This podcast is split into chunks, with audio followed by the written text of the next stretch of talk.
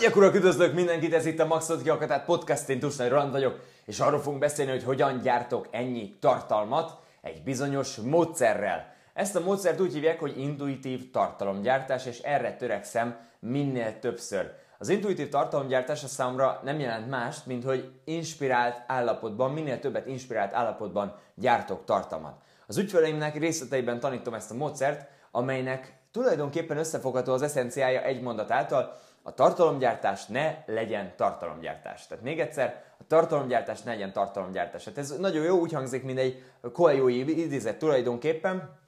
Kibontanám, hogy mit értek ez alatt. Oké, okay, hogy ezt így perspektívába helyezzük. Azt értem ez alatt, hogy sokan igyekszenek tartalmat gyártani, folyamatosan erőlködve, belva a kamera elé, és ott újra gondolkodni, most akkor miről beszéljek, mi az a dolog, amiről írjak posztot. Tehát egyszerűen egy nagyon sok időt töltenek el azzal, hogy mi legyen a témája,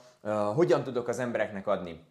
Ezt úgy, ahogy van, kidobnám a helyetben a kukába. És a következőt tenném a helyet. Amikor alapból inspirált állapotban vagy, amikor alapból intuitív állapotban vagy, mikor történik meg ez egy szolgáltatás alapú vállalkozó, egy szakértő esetében a legtöbbször? Akkor, amikor egy másik emberrel beszélgetsz. Mikor vagy intuitív állapotban, inspirált állapotban, amikor egy ügyfeleddel beszélgetsz. Na hát ebből kiindulva, főleg most, hogy a zoomkoloknak a világát éljük, ebből kiindulva mi lenne, ha felvennéd a zoomkoljaidat, és odaadnád az ügyfeleidnek, azt mondanád, ugye ez egy bónusz lenne az együttműködésetekben, ha ezt megteheted, de legtöbben megtehetitek, ez egy bónusz az együttműködésetekben, valamint ha esetleg valakivel mondjuk beszélgetsz, akkor is megkérdezheted őt, hogy felveheted-e, kirakod a telefonot, felveheted-e a sessionötöket, amit tartotok neki, marketing konzultáció, coaching, a bármi igazából, amit csinálsz, felveszed a session és utána odaadod neki a hangfelvételt, mint egy bónusz. Ha úgy érzi, hogy ebben nincs benne, akkor ez tök okés, de alapvetően jó, ha megvan ez a hangfelvétel. Ha se videóra nem akarod felvenni a, a konzultációidat, ha se hangfelvételből nem akarod felvenni, akkor is még mindig teheted azt, hogy miután véget ért egy, egy konzultáció, miután véget ért nálad egy alkalom, amivel kapcsolatosan te szakértő vagy, akkor utána leülsz, és egy füzetben leírod azokat az ötleteket, azokat a dolgokat, amiket láttál az ügyfeled arcán, hogy önálló ez egy ilyen igazi aha pillanatot jelentett. Tehát amikor láttad azt, hogy a szemében megjelent a csillogás, és úgy volt, hogy láttad, hogy tanítottál neki valami újat. Ez az, amelyet, hogyha követsz, módszer, és utána mondjuk, ha még ügyes vagy, és viszont közben nem vetett fel hanggal, de mondjuk leírtad, hogy láttam, hogy az ügyfelemnek az volt a legfontosabb, amikor az intuitív tartalomgyártásról beszéltem, Utána előveszed a telefonodat, még abban az energia szintben, amikor a beszélgetés után vagy, még benned van igazából ez az energia, akkor felveszel egy hangüzenetet 5-10 percben saját magadnak, ahol kibontod azt a koncepciót, hogy akkor mit tanítottál az ügyfelednek, hogyan magyaráztad el, amikor csillogott a szeme. És utána azért nagyszerű ez a hangfelvétel, mert utána ezt tudod használni arra például, hogy vagy te, vagy egy szövegíró írjon ebből egy posztot. Vagy például, hogyha megfogod a, a hívás felvételeidet, a hangfelvételeidet, azt szintén odaadhatod egy szövegírónak, vagy ha ott tart most a vállalkozásod, akkor még te is nyugodtan megírhatod belőle ezeket a posztokat, és így nagyon sok tartalmat tudsz majd gyártani, méghozzá olyan tartalmakat, amelyek látszik, hogy az ideális ügyfeleddel rezonáltak, hiszen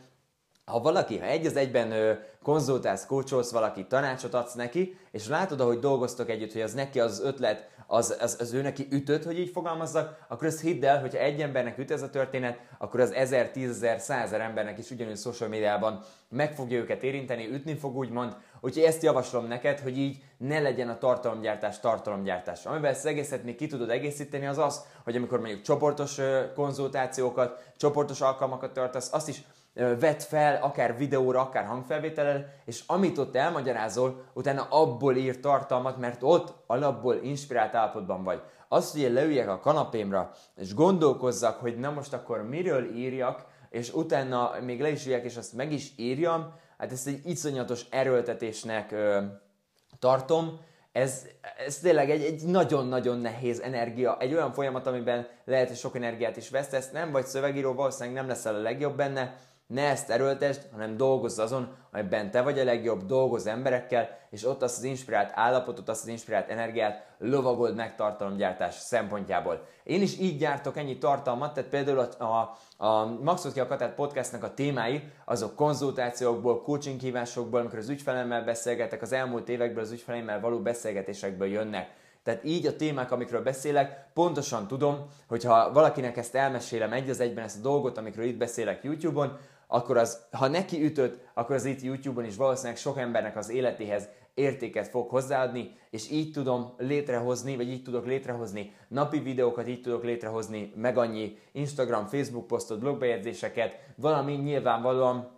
ahogy ment előre a vállalkozásom, egyre inkább elkezdtem használni a segítségét szövegíróknak, és elkezdtem azon gondolkodni, hogy mi az a feladat, amit csak is kizárólag én tudok végezni, és minden más, amit ki lehet szervezni az idővel, azt igyekszem egyre több mindent nagyon-nagyon nagy részben kiszervezni a dolgokat, és menni a saját egyetlen dolgomnak, ahogy szoktam mondani, hogy a könyv, amire sokszor utalok, a saját egyetlen dolgomnak, a saját Zone of Geniusomnak az irányába menni. Ma, január 20-án este 8 órakor, tehát ma este 8 órakor tartok egy webinárt időmenedzsmenttel kapcsolatosan. Erre meghívnálak téged. Ha úgy érzed, hogy sokszor elfolyik az időd a vállalkozásodon belül, ha úgy érzed, hogy nem tudod uralni az idődet, és ha azt érzed, hogy mások rendelkeznek az időddel, akkor mindenképpen ott a helyed január 20-án, ma este 8 órakor az időmenedzsment webináron, ahol három történetet fogok elmondani, hogy én mit, miket tartok fontosnak az idő menedzselésével kapcsolatosan, hogy hogyan veheted át az irányítást a naptárat fejett, és hogyan élheted meg azt, hogy van én időd,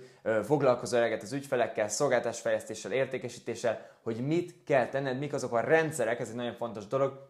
mik azok a rendszerek, amiket fel kell húznod, hogy az idődnek az urává válj a vállalkozásodon belül. Ez ma este 8 órakor lesz, kattints a linkre, és csatlakozz hozzánk a ma este 8-kor megrendezésre kerül kerülő időmenedzsment webináron. Ha úgy érzed, hogy ez az adás értéket hozott létre az életedben, akkor köszönöm, ha nyomsz egy lájkot a videóra, vagy feliratkozol, és ezzel támogatod a víziónkat, a missziónkat, hogy minél több egyéni vállalkozónak segítsünk, minél több egyéni vállalkozót támogassunk abban, hogy gyorsabban, kevesebb fájdalommal jusson a következő szintre a vállalkozásában. Holnap reggel 6 órakor természetesen újra találkozunk a Maxot Kiakatárt podcastban.